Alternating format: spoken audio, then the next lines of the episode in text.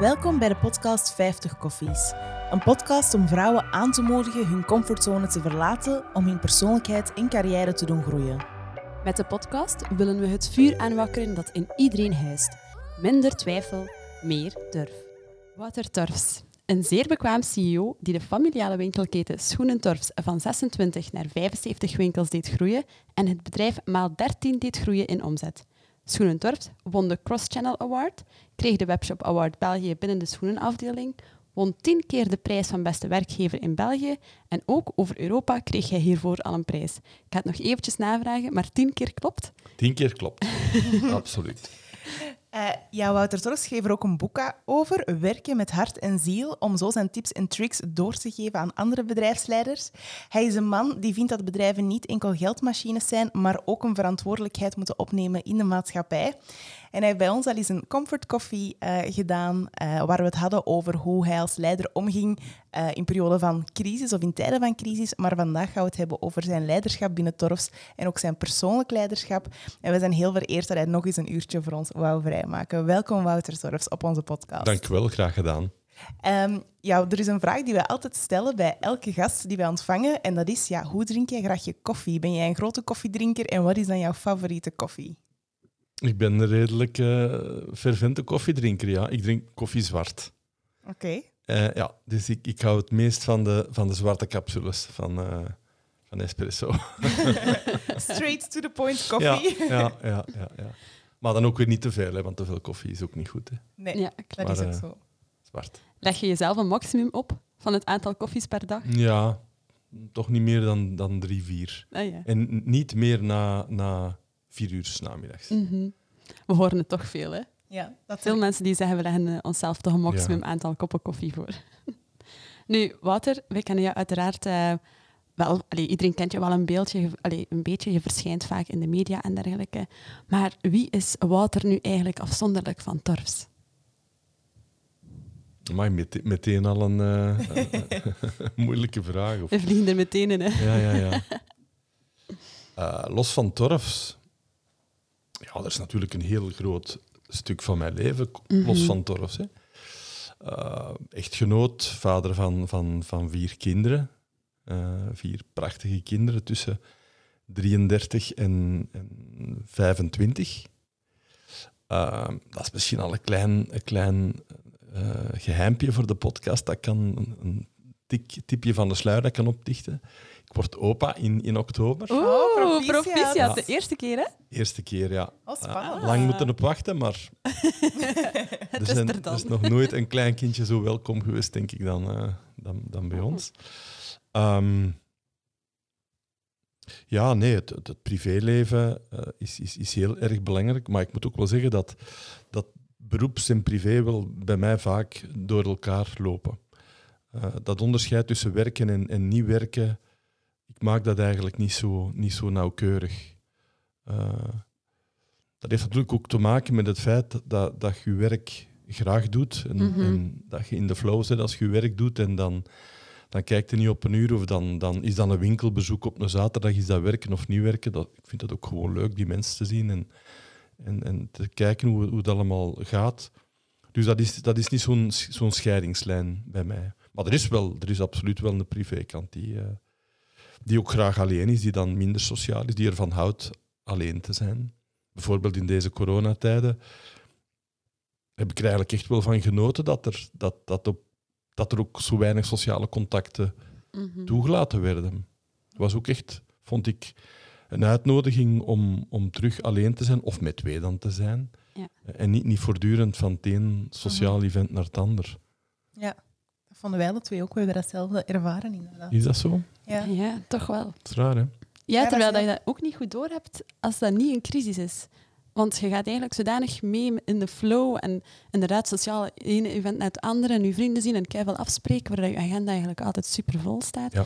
En als je dan zo een keer verplicht wordt van hele dagen thuis te zitten eigenlijk, dan denk je wel, eigenlijk heb ik daar nu toch wel van genoten. Ja, ik ook. En ik heb dat nooit niet doorgehad, dat mij dat heel veel uh, rust bracht Ja. eigenlijk.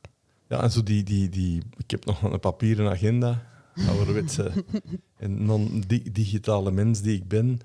En dan zo te zien van week tot week, zo met een, een streep die afspraken kunnen, hup. Allemaal schrappen, wegschrappen. hup, wegschrappen. En nu merk ik wel, want ze komen er natuurlijk nu terug aan, dat, ehm, ja, dat ik er toch eh, omzichtiger mee omga en niet zonder meer altijd zeg van ja, oké, het is goed. Ja, het is goed. Ja. Behalve dan voor jullie nu. Hè. Oh, Ja, dat is, bedankt. eh, voor ons extra vereerd nu.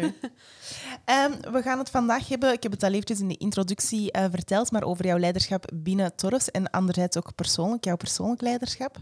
Ehm, eerst over jouw leiderschap binnen Torfs. Er wordt een beetje verwacht dat ondernemers of bedrijfsleiders vaak supermensen zijn en dat die van alles kunnen. Ik kan me inbeelden dat dat zeker soms van jou eh, ook verwacht wordt. Je, wordt. je won tien keer de prijs voor beste werkgever in België. Ligt dat voor jou een extra druk op om eh, jouw werknemers ja, toch tevreden te houden na al die tien keer? Eh, nee, eigenlijk niet. Eh, en waarom niet? Omdat ehm, dat beeld van dat ik dan de superleider ben die alles moet beslissen en alles wat hier gebeurt, dat dat van mij komt, dat, is, dat klopt gewoon niet met de realiteit. Mhm. Ehm Torres wordt geleid door een team, door, door een team van negen mensen, waarvan, waarvan ik dan de voorzitter ben. Maar de kracht van dat team is het belangrijkste. En, en ik denk dat, dat een van mijn sterktes als leider is dat ik gemakkelijk kan vertrouwen geven. Delegeren vind ik een lelijk woord, dat zo doet dat is. Hè. Maar vertrouwen geven, dat is tegen iemand zeggen van, ehm, jij gaat dat goed doen, ik, eh, ik geloof in u. En, en dat geeft mensen vleugels. En dus dat maakt dat die een druk eh, zeker niet, niet alleen bij mij ligt. Nu ook de druk van de crisis. Ja, ik heb die natuurlijk gevoeld, maar die was hier echt gedeeld. En we hebben dat als, als team, team aangepakt. En ehm, dat is zalig. Waarom is dat zalig? Omdat de, de output van uw beslissingen beter is. Wat zou ene man, ene mens alles best weten? Dat is het- gewoon te gek, te gek om los te lopen. En ten tweede, ja, gedeelde smart is halve smart. Hè. Als, je, als je Mhm. samen kunt eh, voor, voor een moeilijkheid staan en dat schouder aan schouder, dan is dat toch iets helemaal... Dan wanneer dat je... Allee, dat beeld lonely at the top, dat Mhm. past niet voor mij. Mhm. Dat is niet- Ja, klopt. Want we hebben het eh, in de vorige podcast met, eh, met Anneliese en Chantal van eh, Klik er ook over gehad dat, eigenlijk het, ja, dat je dat moet verdienen. Loyale werknemers, dat dat niet zo evident is. Maar zijn er dan specifieke zaken die jullie toepassen binnen Torfs om dan toch zo'n goed team op te stellen? Ja, toepassen, dat is, ehm, dat is zo'n heel hands-on en pragmatisch Mhm. woord. Zo van in de zin van als je die recepten toepast of als je die cursussen volgt, of, dan, dan, dan komen er goede teams uit. Nee, ik denk dat dat doen we niet. Ik denk dat het veel meer een, een kwestie van, van bedrijfscultuur is. Mhm. Een manier van hoe we met elkaar omgaan. ehm, waarin vertrouwen geven en vertrouwen krijgen een heel belangrijke is. Waarin ook waardering Mhm. fundament is. Er is niks waar tegen leiders zo eh, tegen zondigen, vind ik, dan het te weinig geven van waardering. Dus dat is, we hebben een heel waarderende cultuur. Ehm, mensen autonomie geven, vrijheid geven. Ik geloof dat, dat, dat er is niks zo demotiverend dan dat alles voor u beslist wordt. Mhm. Dat je gewoon maar moet uitvoeren, totdat de leider zegt, ga linksom of ga rechtsom. Ja. Ehm, wat is er nog essentieel aan die cultuur? Talentontwikkeling. Echt oog hebben voor talent. En mensen met talent dan ook ruimte geven om dat talent te ontplooien. Dus zie je, dat zijn zo'n aantal elementen wat ik ja, elementen van onze cultuur noem, waarin dat eh, mensen gedijen. Waarin mensen met plezier komen werken omdat ze zich als mens gezien en gerespecteerd voelen. Ja, en dan ontstaan die sterke teams Mhm. eigenlijk natuurlijk. En mensen die daar niet in passen, die zeggen, ja, maar ik heb toch een baas nodig die, die mij zegt duidelijk links of rechts, of eh, die zelf willen command and control doen, want die heb je natuurlijk ook. Die blijven hier niet. Die, ehm, Mhm. die vinden het misschien te soft of eh, niet passend voor hun. En dat is ook goed.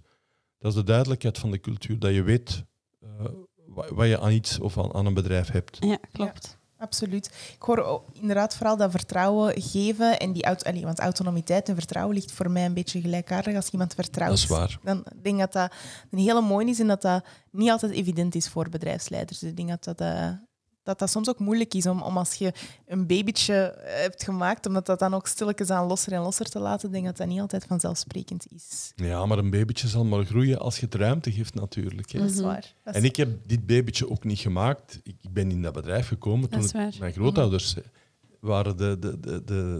Die hebben het babytje gemaakt, hè. Ja. Eh, letterlijk en figuurlijk.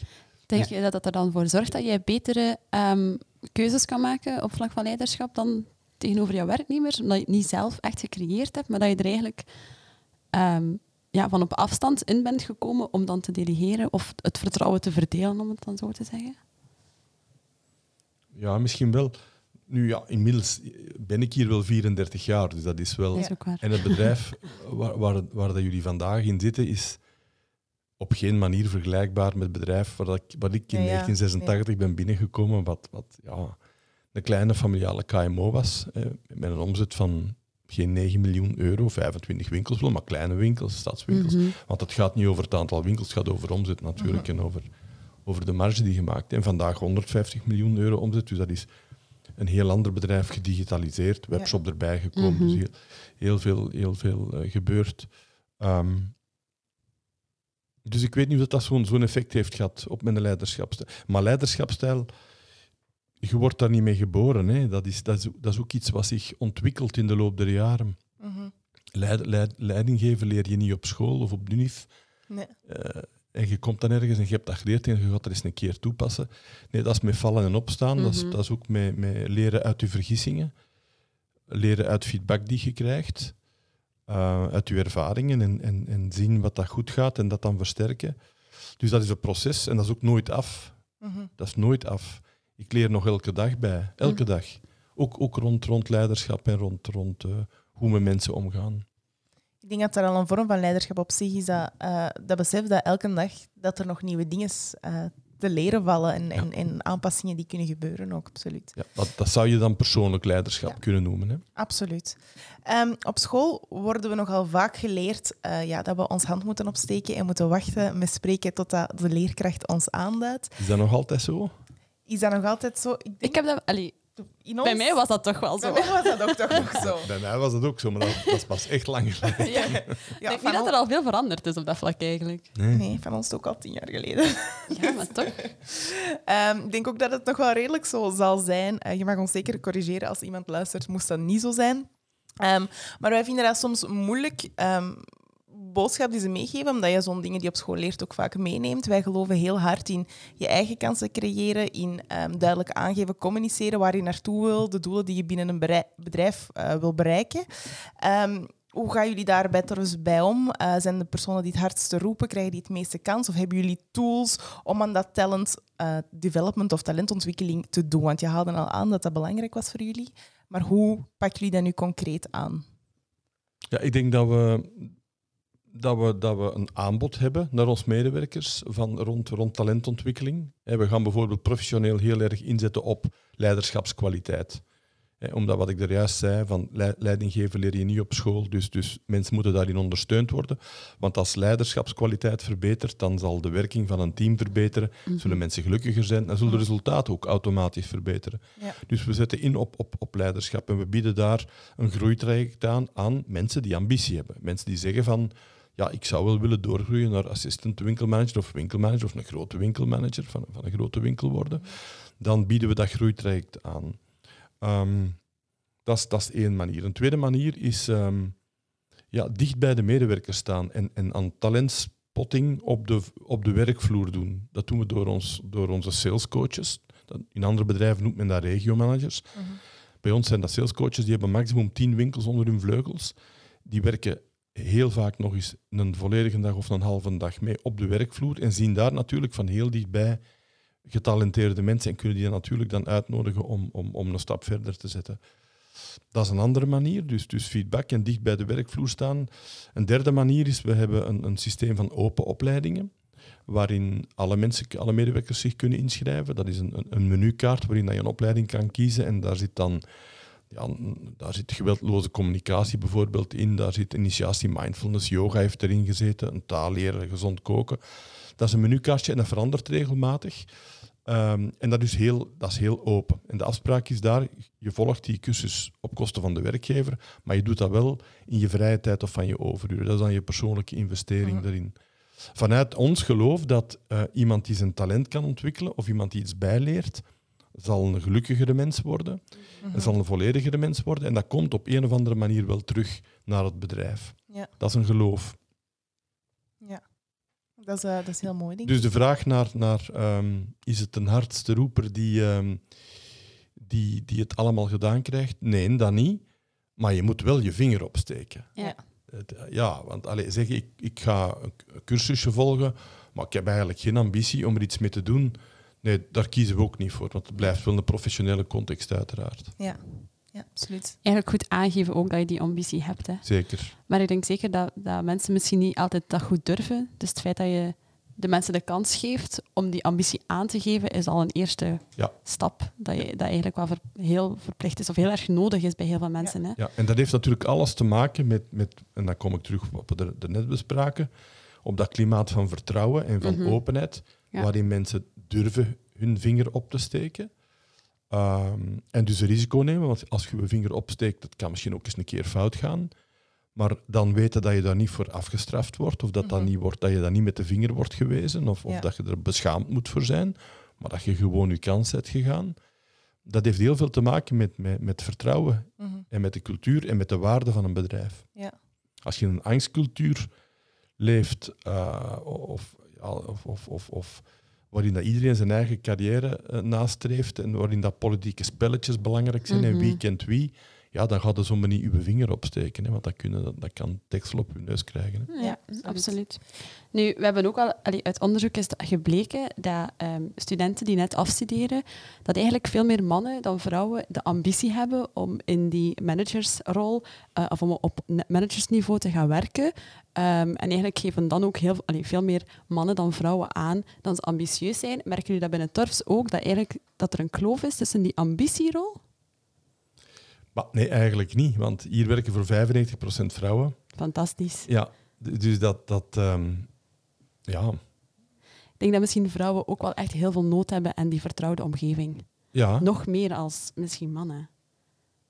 Ik denk dat, ehm, ja, ik, ik denk dat heel typisch aan onze cultuur. eh, het is een vrouwelijke cultuur. Ja, dat, dat zou ook niet anders kunnen.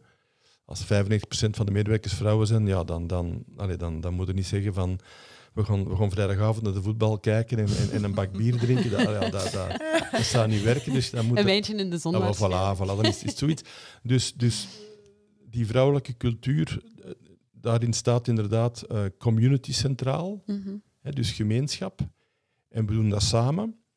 En minder mijn carrière en, en mijn salaris en mijn bedrijfswagen, maar meer onze winkel, ons team. Mhm.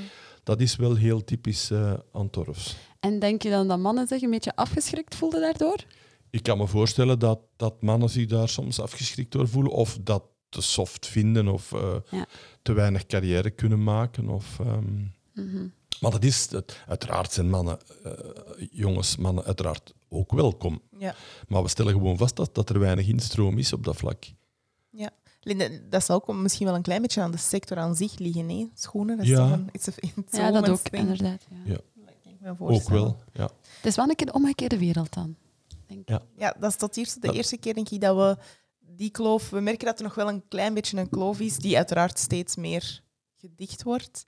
eh, tussen dat, die ambitie in het mannelijke en het vrouwelijke eigenlijk. ja. Maar moet er niet flauw over doen, eh, Jana. Er is, er is, eh, je je kunt dan de vraag stellen, die man-vrouw verhouding, geldt dat ook voor het hoogste niveau? Zijn het dan ook voor 95% vrouwen die daar... En is de CEO dan ook een vrouw? Ja, nee, op dit moment nog niet. Hè. Dus in ons managementteam, waar dat we met negen mensen zijn, zijn er nu eh, drie vrouwen. Dus Oké. dat, is, dat is dan nog Dat is een... toch nog een kloof. Ja. Nee, ik ben verkeerd. Vier vrouwen. Bij, bijna Vier van de 50-50. negen, hè? Oké, dat is bijna 50-50. Ja. Ja. en merk je dan ook, want hè, er is een zoiets als een leaking pipeline, merk je dat dan ook? Mensen die naar die, naar die hogere functies willen, dat dat dan toch vaak die mannen zijn die hun vinger opsteken? Ja, maar ik denk eh, dat we in... Want we staan voor een generatiewissel nu. Mhm. Ik ben 62, dus ik moet daar wel mee bezig zijn. Ehm, ik maak me wel sterk dat de volgende CEO wel eens een vrouw Mhm. zou kunnen zijn of zal zijn. Ja. Mooi. Zeker. En dat er dus nog meer ver- ver- vervrouwelijking zal, zal doorgevoerd worden, ook op het, eh, op het topniveau. Dat is, eh, dat is inderdaad heel mooi. Ehm, in zwijgen is geen optie. Heb je het gehad over het feit dat een bedrijf veel meer is dan een geldmachine, maar dat je ja, als bedrijf eigenlijk ook een maatschappelijke verantwoordelijkheid eh, te dragen hebt. Over welke maatschappelijke verantwoordelijkheden heb je het dan? Wat is er belangrijk dat bedrijven doen? Wel, het, het vertrekt bij de, ik denk bij de purpose, bij de missie van een bedrijf. Hè. En, en de baseline van onze purpose luidt 360 graden zorg leidt tot 360 graden winst. Dus wij willen in essentie een, een zorgzaam bedrijf zijn dat niet enkel zorg draagt voor de aandeelhouder, wat de klassieke Mhm. belangrijkste stakeholder is, de aandeelhouder. Ja. Maar wij zien ook de medewerker als een stakeholder, ook de klanten en ook de samenleving als de stakeholder. Mhm. Dus dat alleen al is voor mij een definitie van maatschappelijk verantwoord ondernemen. Dat is niet enkel zorg dragen voor EBITDA en uitkeringen, dividenden voor de aandeelhouder, maar ook zorg dragen voor uw medewerkers. En dat is dan investeren in Great Place to Work. Ook zorg dragen voor de samenleving. Dat doen we dan bijvoorbeeld door het engagement dat we hebben om, om anderhalve procent van onze cashflow structureel aan goede doelen te schenken. Dat was in de beste jaren, maar het zal dit jaar moeilijker zijn natuurlijk, was dat Ja. 250.000 euro. Vorig jaar was dat nog 180.000 euro. Dus dat vinden wij ook belangrijk. En dat bedoel ik dus, mijn bedrijf is niet alleen een geldmachine. Een bedrijf moet zich opstellen als een verantwoordelijke burger. En dat wil dus zeggen, je moet rekening houden met de context waarin dat je leeft, met, de, met alle stakeholders, met jouw leveranciers ook. En het is maar door daar evenwichtig en zorgzaam mee om te gaan dat je ook kunt groeien. Maar denken dat je kunt alle winst voor u nemen en de, de kosten en afval bij de samenleving laten, daar geloof ik niet meer- niet meer in. Nee, ik denk ook ehm, dat er inderdaad een meer een oudere manier is van naar businesses te kijken. We hebben een heel boeiende podcast gehad met Piet Mhm. die dan echt gespecialiseerd is in maatschappelijk eh, Zeker. ondernemen. Ja.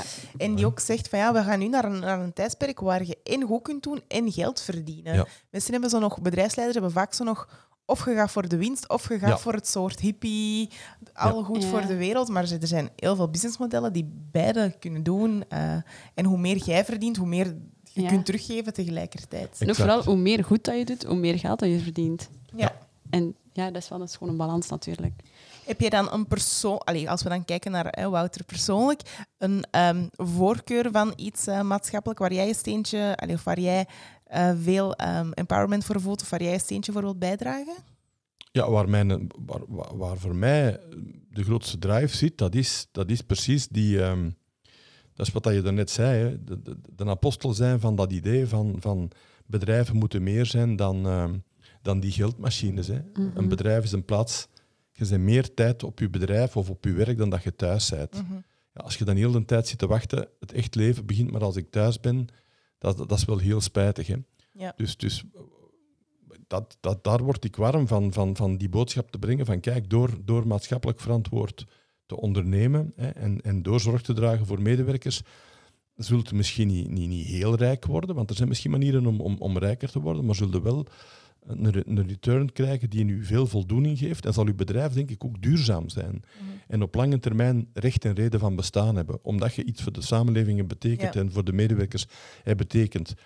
En, en ja, dat is wat ik wil, wil, wil uitdragen of waar ik getuigenis wil van afleggen. Maar waar dat je natuurlijk, als je daar ja, de voorgrond voor neemt en je vooruitspreekt, dan is het ook heel kwetsbaar. Ja. Dat hebben we nu meegemaakt, coronacrisis. Mhm. Ik ga dat niet uit de weg. We hebben 24 mensen moeten ontslaan. Heel vlug, omdat dat gewoon nodig is om het geheel te redden, moeten we nu heel, heel zuinig zijn. Ja, natuurlijk. Als een doorsneebedrijf dat doet, is dat een klein, een klein voetnootje in de krant of niks. Bij ons is dat wel voorpagina. Dus ik besef nu heel goed dat, ehm, ja, dat dat ook hoge bomen vangen, veel wind, en dat je daar ook kwetsbaar do- door bent en, en dat je dat gewoon moet accepteren en onder ogen zien dan. Ja, klopt. Want ehm, allee, ik denk sowieso als leider wilde wel dat mensen allemaal achter je keuze staan, maar dat is niet altijd evident. Ehm, je wilt ook dan niet achter je keuze staan omdat ze erachter staan en niet omdat je de baas bent en dat iedereen dan maar zomaar eh, zou moeten volgen. Eh, merk je daar dan moeilijkheden bij? Of vind je dat soms eh, moeilijk, zoals nu, ja, die ontslagen? Natu- ja, dat is moeilijk. Dat is moeilijk. En, en je moet daar niet flauw over doen. Natuurlijk staan- staan die 700 medewerkers daar niet alle 700 achter. Hè. Ah Ja, natuurlijk. En zeker niet de mensen die ontslagen zijn, die, die Mhm. stonden er natuurlijk zeker niet achter. Hè. Dus, dus, maar op dat moment ehm, moeten toch ook de reflex maken van, ja, leiderschap staat niet gelijk met altijd populair zijn. Ja, klopt. Leiderschap betekent ook moeilijke beslissingen kunnen durven nemen Mhm. En dan in de spiegel kijken en checken of dat je zelf in de ogen kunt kijken en, en, en zeggen van, is dit oké om te doen? Is dat, is dat de juiste keuze voor het voortbestaan van het bedrijf, voor het voortbestaan van de many tegenover het belang van het individu? En als je dan en dat dan ook niet, niet alleen beslist, want ook dat is uiteraard in Mhm. een team beslist. Ik krijg wel allee, de volle laag, maar dat is uiteraard ook een groepsbeslissing. Ehm, ja, maar dan, dan is het natuurlijk moeilijker. Hè. Ja, belangrijk om niet te handelen vanuit de opinies van anderen natuurlijk. Hè. Nee, maar, maar uiteraard wel luisteren naar de opinies van anderen. En, en, Ja, ja, absoluut. Ja. En dat is misschien al ineens een mooi ezelsbruggetje naar ons tweede onderdeel van onze podcast. En dat is dan meer inzoomen op dat persoonlijk leiderschap, waar we het er straks ook al eventjes aanhaalden. Ehm, we kunnen ons voorstellen dat een druk bezitte CEO, dat dat vaak gepaard gaat met een druk leven. Nu in corona hebben we het er net al eh, voor de podcast gehad, dat dat een beetje hè, eh, rustiger is. Ehm, maar in het algemeen, over het, niet de laatste periode, maar gewoon in het algemeen, hoe ziet een week, een doorsneeweek bij Wouter Storfs eruit? Een doorsneeweek voor, voor corona times. Laten we het daar... En misschien wat je dan eventueel zou willen aanpassen aan die doorsneeweek post-corona. Ja. Ehm, ja, een doorsneeweek is ehm, op de piek van het seizoen, en dan spreek ik zo april, mei of oktober, september. Dat is toch wel een, een zes dagen werkweek, waar ik dan op zaterdag eh, de keuze maak om winkels te bezoeken. Ik vind dat belangrijk om dicht bij de klanten en de medewerkers te staan. En waar de rest van de week een mengeling is van ja, mails beantwoorden, zoals, zoals iedereen dat moet doen, meetings bijwonen, eh, hoewel dat ik daar selectief op ben van, en zeker niet bij alles wil bij zijn. Enkel wat, dat, wat ik denk dat waar ik een bijdrage kan heb, hebben. Ehm, ja, vaak toch s'avonds nog de baan op om, om een keynote links of rechts te geven, om, omdat, dat, omdat dat gevraagd wordt, omdat ik dat ook graag doe. Dat is dan getuigenis afleggen van mijn visie op ondernemen en op, Mhm. op human resources, wat dan mij wel passioneert en waar ik dan een zaadje wil zaaien bij, bij andere bedrijven. Ehm, dus ja, toch wel behoorlijk veel van huis zijn. En wat zou ik dan willen veranderen? Ja, absoluut meer telewerking. Meer van thuis Ja. uit. Ik heb nu ook Zoom en Teams ontdekt. Dat was voor mij totaal onbekend. Eh, ja, dat is, ook, dat is ook wel goed. Ehm, Dat is toch iets sneller, hè? Ja, dat is sneller, maar, maar het vervangt niet de, de, Nee. de, de, de, de closeness, de, de intimiteit van een vergadering waarin dat je elkaar ziet, Nee. waarin dat je ook kunt voelen van ja, wat leeft er bij de andere, emoties. Ja, met een Zoom-call, waar dat dan nu en dan de klankjes uitvalt, of be- allee, ja, dat, dan, Ja. dat moet je Mm. beperken tot korte boodschappen en efficiënt, en dat is goed, maar dat vervangt toch niet volwaardig het menselijk contact. Nee, dat, ja, dat klopt. ook niet. Dus. Nee. Maar hebben toch een beetje meer van thuis uit. Oké. Dus toch wel druk bezette weken. Dat is toch wel Ja. de doorsnee. Ja. Oké. Ik denk dat dat ook niet echt anders kan. Nee, ik denk als je iets moet, wilt bereiken, dat je er ook wel voor moet werken. Denk ik. eh. Dat is zo, ja. Nu, Wouter, we hebben ook een beetje online onderzoek gedaan en we kwamen ook al snel uit op het feit dat jij in 2015 toch wel een beetje slecht nieuws gekregen hebt. Dan heb je nierkanker gehad. Ja. Ehm, nu, dat is wel, je bent wel kerngezond terug en dat is allemaal ook al weer behandeld en oké. Ja, er is een nier weggenomen, hè. Ah ja, Dus in die zin. Ja dus Maar een mens kan met één nier. Ja. fantastisch. Ehm, welke impact heeft dat nu effectief gehad op jouw leven? Heb je dan het gevoel, hebt dat, je- eh, het gevoel gehad dat je drastische veranderingen hebt eh, toegepast in jouw leven? Of was er eigenlijk niet zoveel verandering nodig? Goh, drastische veranderingen denk ik niet. Of, mm, mijn vrouw zou zeggen dat, dat ik beter wat meer drastische veranderingen eh, had, had gedaan. Ehm, maar het besef eh, van rond de, omtrent, omtrent kwetsbaarheid, van het kan ook allee, op een vingerknip gedaan Mhm, zijn, Mhm. dat is zeker wel, eh, dat is zeker wel duidelijker geworden. Dus van daaruit ook de dankbaarheid om het leven. Ja. Het minder evident vinden van, ja, natuurlijk zijn ze gezond. Pff, iedereen is toch gezond? Ja, dat is niet zo. Hè. Niet iedereen is Mhm. gezond. Dus daar, daar veel meer bewuster mee omgaan. Ehm, ja, het besef van, ja, ik, ik ben hier toch nog wel graag. Ik heb hier nog iets te doen. Ik heb hier nog, eh, Mhm. nog, nog, nog een heel prachtig stuk leven voor mij, hoop ik. En, en met weer nieuwe uitdagingen en, en nieuwe ervaringen. En, en, en dan het gevoel moest dat ontnomen worden, dat zou verdorie wel, wel, Ja. dat zou wel pijnlijk zijn. Dat is ook veranderd. Dus veel meer dankbaarheid en, en besef van hoe waardevol het leven is. En misschien dan ook weer niet altijd de consequentie aanvaarden op vlak van gezond leven en dan toch maar doordoen. Mhm. En ook mijn relatie met, met, met mensen die ziek zijn is veranderd. Eh, uiteraard, ook bij ons, een populatie van 700 medewerkers, zijn er vandaag mensen thuis met kanker. Hè. Of, of die ernstig ziek zijn. Mhm. Vroeger zou ik geaarzeld hebben om die te, te bellen, want ja, wat moet ik tegen die mensen zeggen? Dat, dat, dat speelt niet meer. Ik weet nu wat dat is. En dus ehm, ja, gewoon laten horen dat je er zijt, dat je om hen geeft. eh, dat je, dat, dat, ja, voilà. Ja. Ook, je kunt het niet oplossen, maar je bent aanwezig en je laat dat horen. Dat is heel Mhm. belangrijk. Dus dat is, ook, dat is absoluut veranderd. Ja, en ben je dan ook bijvoorbeeld iemand, ehm nu dat we over gezondheid bezig zijn, bent je eigenlijk iemand die dat sport of die bepaalde dingen toepast in jouw leven? Ja, een beetje sport. Ja, het is een beetje van moeten. Nee, nee, nee. nee. Ja, maar zoals dat een 62-jarige doet. Hè. Eh, In de coronatijd veel gaan wandelen, lange wandelingen gemaakt in de buurt van, van waar dat wij wonen. was heel leuk, natuur ontdekken. Eh, en één keer per week tennissen of zo, dubbel. Maar dat mocht dan ook niet in de coronatimes. Mag terug, hè, nu? Mag terug, ja. en heeft, het, heeft, heeft dat voorval je dan op een bepaalde manier ook zachter gemaakt? Je zegt hè, naar mensen die ziek zijn, maar ook in het algemeen. Ja. Ja. Maar ik denk sowieso, Jana, dat eh, ja, naarmate ik ouder word, ehm, voel ik wel de zachtheid toenemen. Ja. En de, ja, de, de stoere drang om op elke opinie te reageren, of, of eh, op elke Twitter, of elke Mhm. tweet, of elke Facebook-post die nu niet aanstaat. Of, of- Ja. Van dat toch wat, te, wat, wat los te laten en te relativeren. Ja. Ik ben ook in, in, in, in, door de coronacrisis terug meer gaan mediteren, eigenlijk bijna elke dag. En dat, dat, dat brengt sowieso een verzachting mee. Of minstens heeft dat op mij het effect van uit uw hoofd gehaald te worden, uit uw denken gehaald te worden. En het is in uw denken dat je, dat je natuurlijk eh, hevig wordt of, of wilt reageren of, of, of interne dialogen die Ja. dan... En als je dan kunt erkennen van, ja, maar eigenlijk is dat allemaal in mijn hoofd en Ja. heeft het weinig betekenis, dan kun je het ook la- laten gaan of dan verdwijnt het vanzelf. Ja. En denk je dat je nog zachter gaat worden als je opa wordt? Ja, zeker. zeker. Zeker.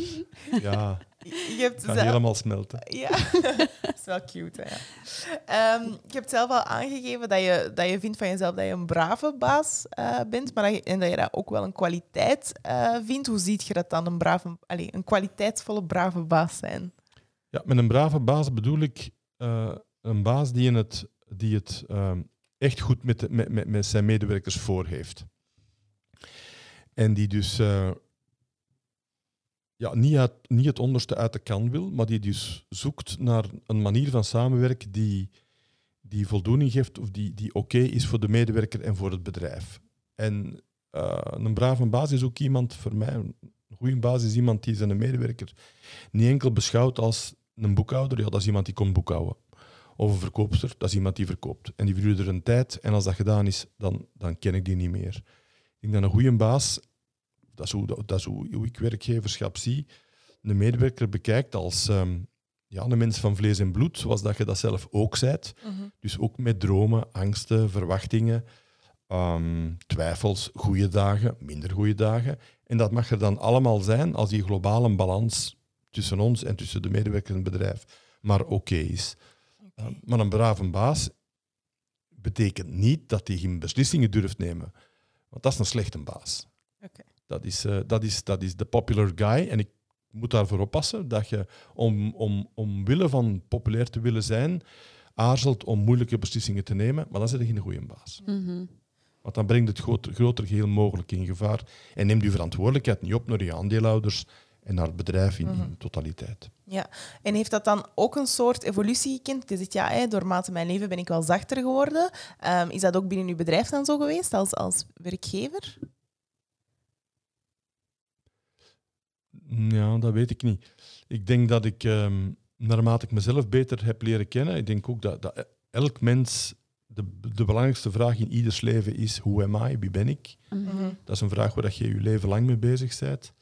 En een stuk van het beantwoorden van die vraag is toch zicht krijgen op je patronen, van die dingen die je elke keer opnieuw doet, en die vaak te maken hebben met je thuis en met je ouders en zo. En bij mij had dat toch wel te maken met, met, met de popular guy te willen zijn, zo van Ja. te willen behagen. En dus vanuit dat willen behagen dan toch mm, ja, dan dingen doen die, die, die misschien die je beter niet doet, die voor het bedrijf beter niet zo waren. En op dat patroon heb ik zeker meer zicht gekregen. En daar ben ik ongetwijfeld ehm, strikter in geworden.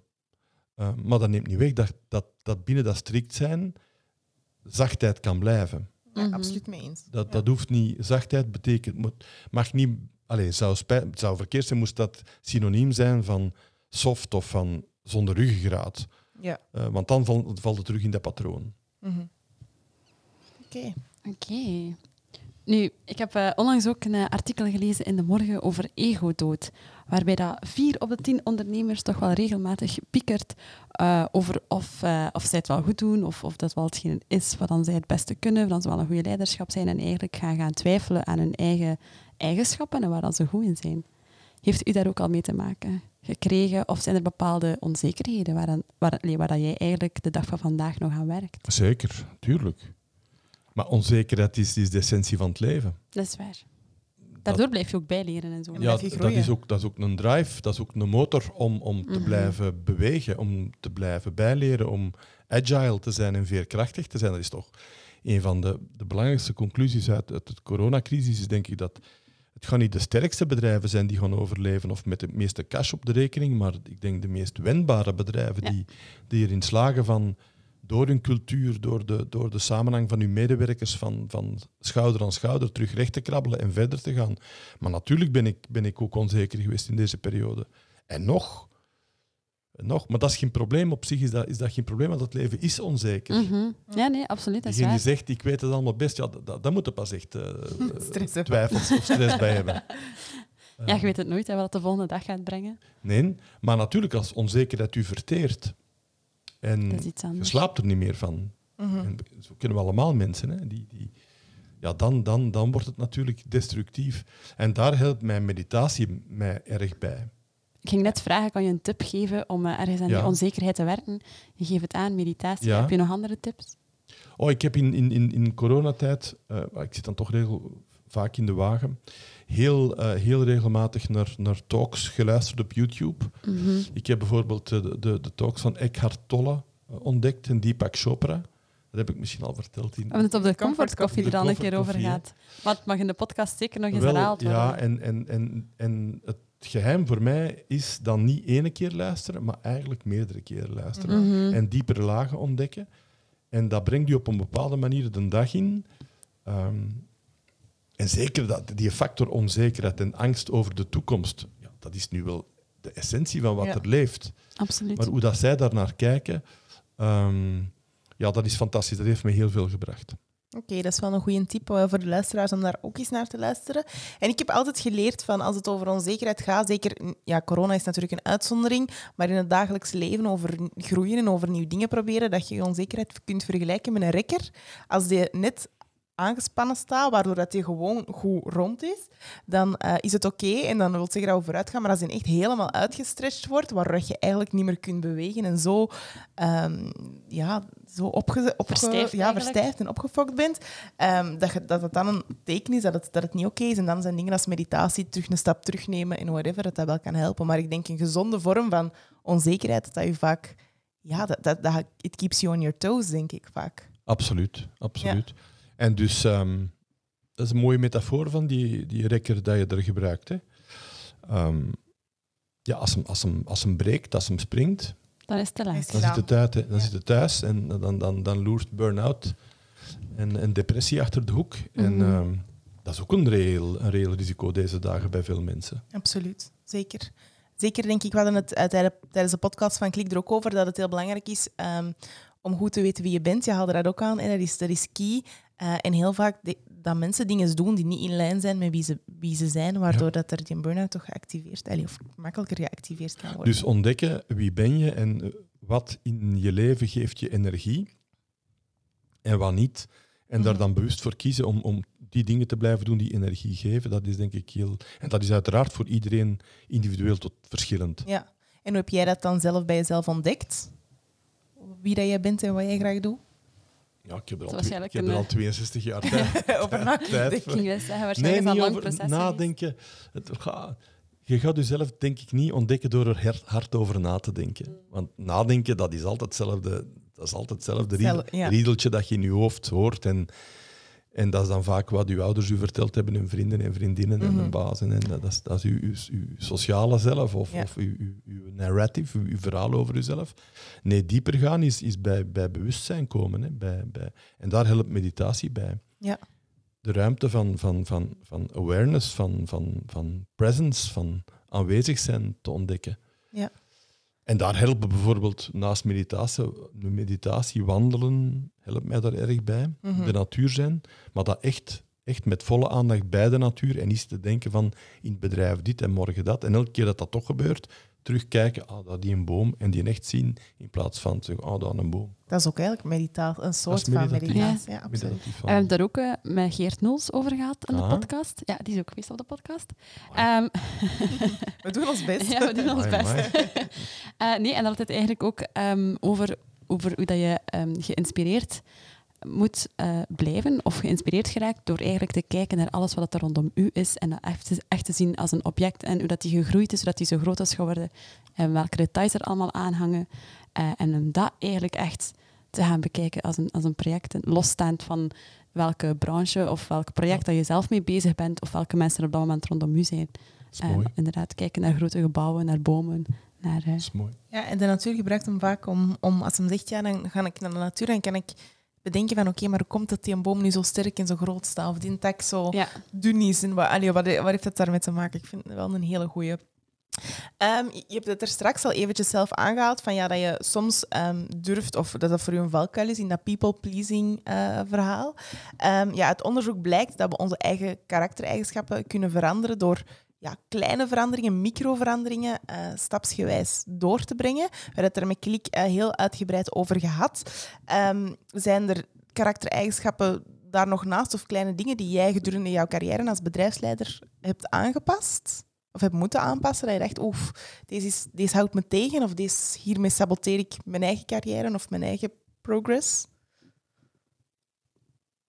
Ik denk dat ik in de loop der jaren ehm, veel heb bijgeleerd over ehm, hoe mensen samenwerken en het proces van samenwerking.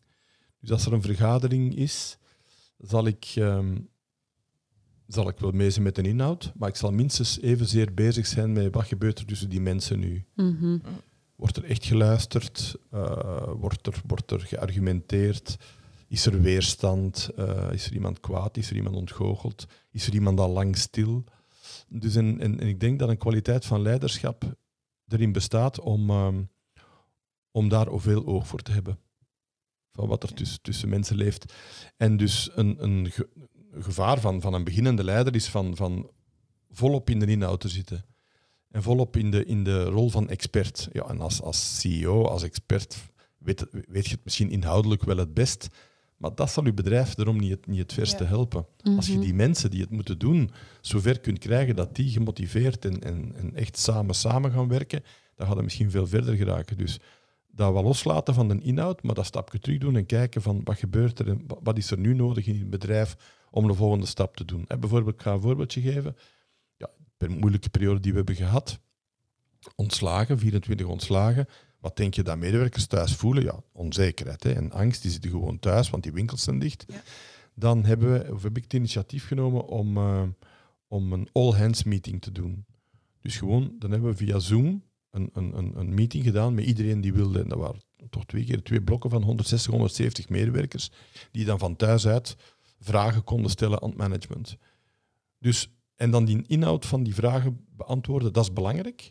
Maar nog veel belangrijker was het feit van, we worden gehoord, ik, kan met mijn bezorgdheid komen, ik kan een vraag stellen en, en, en voilà. En, en daardoor ontstaat er terug contact en vertrouwen en ah, het is toch nog altijd torf en het, Mhm. het is toch weer zo dat we het verschil maken. Dus aandacht voor het proces, voor samenwerking, minstens zoveel als voor inhoud. En daar heb je dan geleerd door de jaren. Ja. Oké, mooi. Eh, ja, over die microveranderingen. Je hebt daar straks ook aangehaald dat meditatie een enorme hulp is eh, voor jou. Ehm, zijn er andere dingen die je dagelijks toepast om ehm, ja, microveranderingen te doen, om ja, die, of die jaar positief gelukkig maken? Ja, ik denk dat een, eh, een, een ja, gezond agendabeheer belangrijk is. Hè. Je kunt je een dag zo vol zetten dat je s'avonds uitgeput thuiskomt of dat je na de middag kort af wordt omdat het gewoon te veel is geweest. Daar bewijs je ook niemand een dienst mee. Dus, dus daar toch eh, kritisch naar kijken en, en, ehm, en respect hebben voor pauzes. En, en dagen dat je 's morgens begint en dat je denkt, oh, die agenda, ik wou dat het avond was. En ik, had die wel, zeker voor corona. Dat, ehm, ja, daar help je eigenlijk niemand mee. Dat is iets dat wij af en toe nog wat kunnen leren, hè, Nadia? Absoluut. Ja, maar d- daar- daar- daarom zijn jullie ook jong. Hè? En dus een beetje met scha en schande. En, en, en zolang als dat je de energie voelt, is er geen probleem. Mhm. Maar als je leeg loopt, Ja, dan gaan mensen daar rond u ook merken. En dan, dan, dan, dan kun Ja, je niet meer zoveel geven. Nee. We zijn er ook wel dagelijks mee bezig eigenlijk, hè, met uh, echte persoonlijk leiderschap en op al die zaken eh, te letten, zeker als het op de agenda aankomt en eh, ja, beloningen en rust inlassen en, en dergelijke. Ik denk dat wij zo... We hebben onlangs ook de comfortkoffie gehad met Kamal Karmach, waarbij dat we het heel hard hebben gehad over ehm, millennials. Mhm. Waarom, eh, waarom heeft iedereen het altijd zo over de millennials, dat we lui zijn, of dat we net niet lui zijn, of dat we net alles doen of niks doen. Ehm, en dat het toch ook een beetje komt uit het feit dat wij in het midden zitten van de oude generatie en de nieuwe generatie. En dat wij ons eigenlijk overal aan moeten aanpassen en zijn opgegroeid eh, met de oude mindset. Eh, maar wel leven in de nieuwe mindset Mhm. eigenlijk. Ehm, en we merken dat ook wel, zeker als het aankomt ook op hard werken en dergelijke. Eh, hard werken, hard werken, doorgaan, doorgaan zonder rust is eigenlijk een beetje wat we van de oude generatie eh, meekrijgen, terwijl de nieuwe generatie volledig staat achter volledig voor je geluk gaan en doen wat je graag doet. En moeten we daarvoor alle dagen 7 op 7 hard werken? Nee, misschien niet. Het kan wel op andere manieren ook. En daarom denk ik wel dat wij allee, daarom ook wel heel erg bezig zijn met, Mhm. Met die zaken te onderzoeken. En mi- millennials is van welke periode? 2000? Goeie vraag. Goed, ik, ik weet het Ik weet niet. dat wij dat zijn, maar... Wij zijn, ik denk dat het is, eh, als ik me niet vergis, eh, begin jaren 90 90, ja. tot 2000, Ja, ik denk ook 2010, zo daar, 90 tot 2000. zo daar wat tussen. Denk Maar ik. ik merk toch... Want mijn kinderen zijn, ja, de, de, de, de drie oudste zijn, zijn, zijn 86, 87, 89. Ik merk bij hen toch dat, dat die work-life balance, dat is een lelijk woord, want dan is het alsof dat werken geen leven is. Maar goed, dat dat evenwicht tussen, tussen dat investeer ik in mijn werk en dat investeer ik in hobby's en, en, en samen Mhm. zijn. En, en Mhm, dat dat, dat, dat eh, beter is dan, ehm, dan het mijne. mhm. Zeker dan, dan vroeger. En ik vind dat prima. Eh, we leven niet om te werken, we werken, we werken om te Om te leven. Enfin, leven. of daar moet, ik vind het ook een beetje een ouderwetse uitspraak hoor, want in het werken kun je natuurlijk ook heel veel plezier Ja. en, Ja, en energie hebben en, opgeladen terugkomen. Dus dat, dat, dat, dat is ook niet. Maar dat, dat obstinaat en zeven op zeven en tot s'nachts. Ik vind dat toch fantastisch dat ze er zo echt bewust een blok kunnen opzetten en dan iets anders gaan doen. En, eh, Ja, ik denk dat dat heel belangrijk is om, om de fun er ook in te houden. Ja. Want je kunt iets graag doen, maar als je te veel ook iets, graag, allee, iets doet wat je graag doet, kun je daar ook de goesting voor verliezen Denk ik natuurlijk. wel. Hè. Ja, Ja, absoluut. Ik, denk dat ik, allee, ik heb dat al ervaren ook eigenlijk. Met de foto, allee, ik fotografeer ook. Als je, als je dan 7 op 7 gaat gaan fotograferen, dan zijn je aan de lopende band aan het fotograferen en verlies je eigenlijk volledig je creativiteit daarin. En, en de goesting ook. Dan denk je gewoon, oh nee, nog, nog een dag fotograferen. Ik kan Ja, het ja. even niet aan. En, dan, ja, en de verwerking achteraf, ja. Maar ik denk dat je daar een cruciaal woord eh, zegt, hè. Nadia, dat is goesting. ja. Als je, als, als je de dingen met goesting doet, dan, dan, dan, is, dan, dan komt het goed. Dan, Mhm. dan, dan, dan zal het u ook geen energie kosten, dan zal het mo- moeite, moeiteloos zijn. Ja. Ook als het hard werken is. Als het zal je energie geven ook. dat zal je energie geven terwijl je er heel veel energie in stopt. Ja. Maar op het moment dat je voelt, dat is echt tegen mijn goesting en ik doe het toch, ja, dan, dat is soms nodig. Hè? Mhm. Maar dan, dan moet je beseffen, ja, nu ben ik misschien in het rood ontgaan. En Ja. Dat, is geen, dat is geen goede manier om op lange termijn te blijven door. En soms zie ik dat mensen doen. En dan denk ik, ja, dat is gevaarlijk. Dan, Dat is. Daar hebben we het een heel goed ook eh, bij een vorige podcast over gehad. Dat de mens eigenlijk het beste presteert als ze hem kan afwisselen tussen stress, rust, stress, rust. Maar Stress je- hebben we nodig om, om ons eigen in gang Ja. soms wat te krijgen, maar dat moet afgewisseld worden met een nodige rust om te kunnen recupereren. Maar als het altijd ingaan en meer en langer en nog een andere dag en nog een opdracht erbij en tot 's avonds en in het weekend en eh, whatever, dat, dat, ja, dat, dan is hetgeen wanneer onze rekker knapt. Ja. Ja, en eh Chantal Smes haalde ook het metafoor aan van de kapitein te zijn van eh, uw schip. Mhm. En dat je af en toe het stuur loslaat, maar dat is eigenlijk dan om eh, mee te helpen om eh, ja, het, het, het dek te schuren.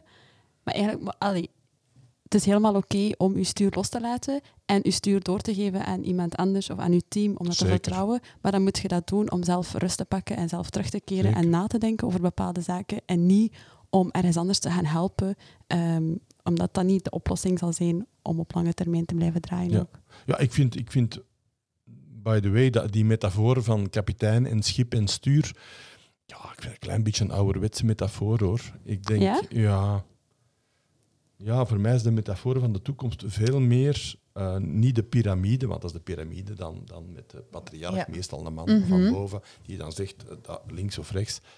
Ehm, dat dat plaatsend maken is voor eh, een onderneming als een, als een bepaald project waarin dat je gelooft en waar dat een missie centraal staat en een bepaalde visie op klanten en Mhm. medewerkers en, en, en duidelijke waarden en dat mensen zich op dat project inschrijven.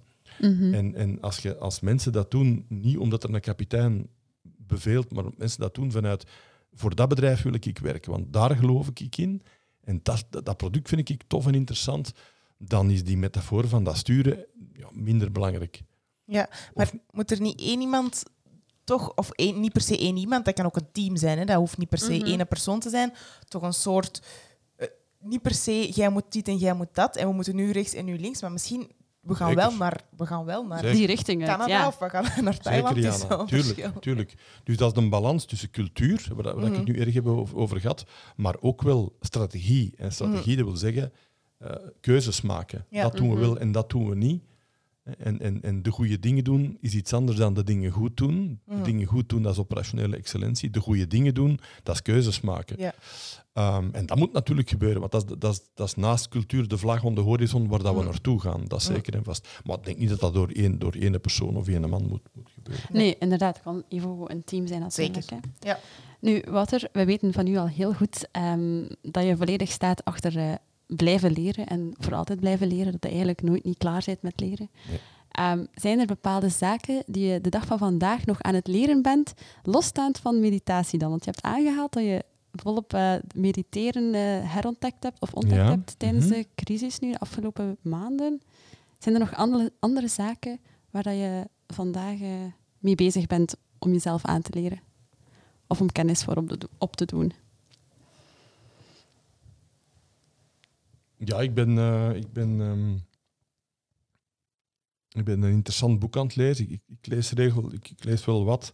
En meestal, meestal geen fictie, of eigenlijk nooit fictie, non-fictie. En ik heb nu een nieuwe, een nieuwe filosoof ontdekt. eh, en die heet Mark Gaffney. En ehm, ja, ik ben nu, nu een boek van hem aan het lezen. ehm, en dat heet eh, Soul Prince.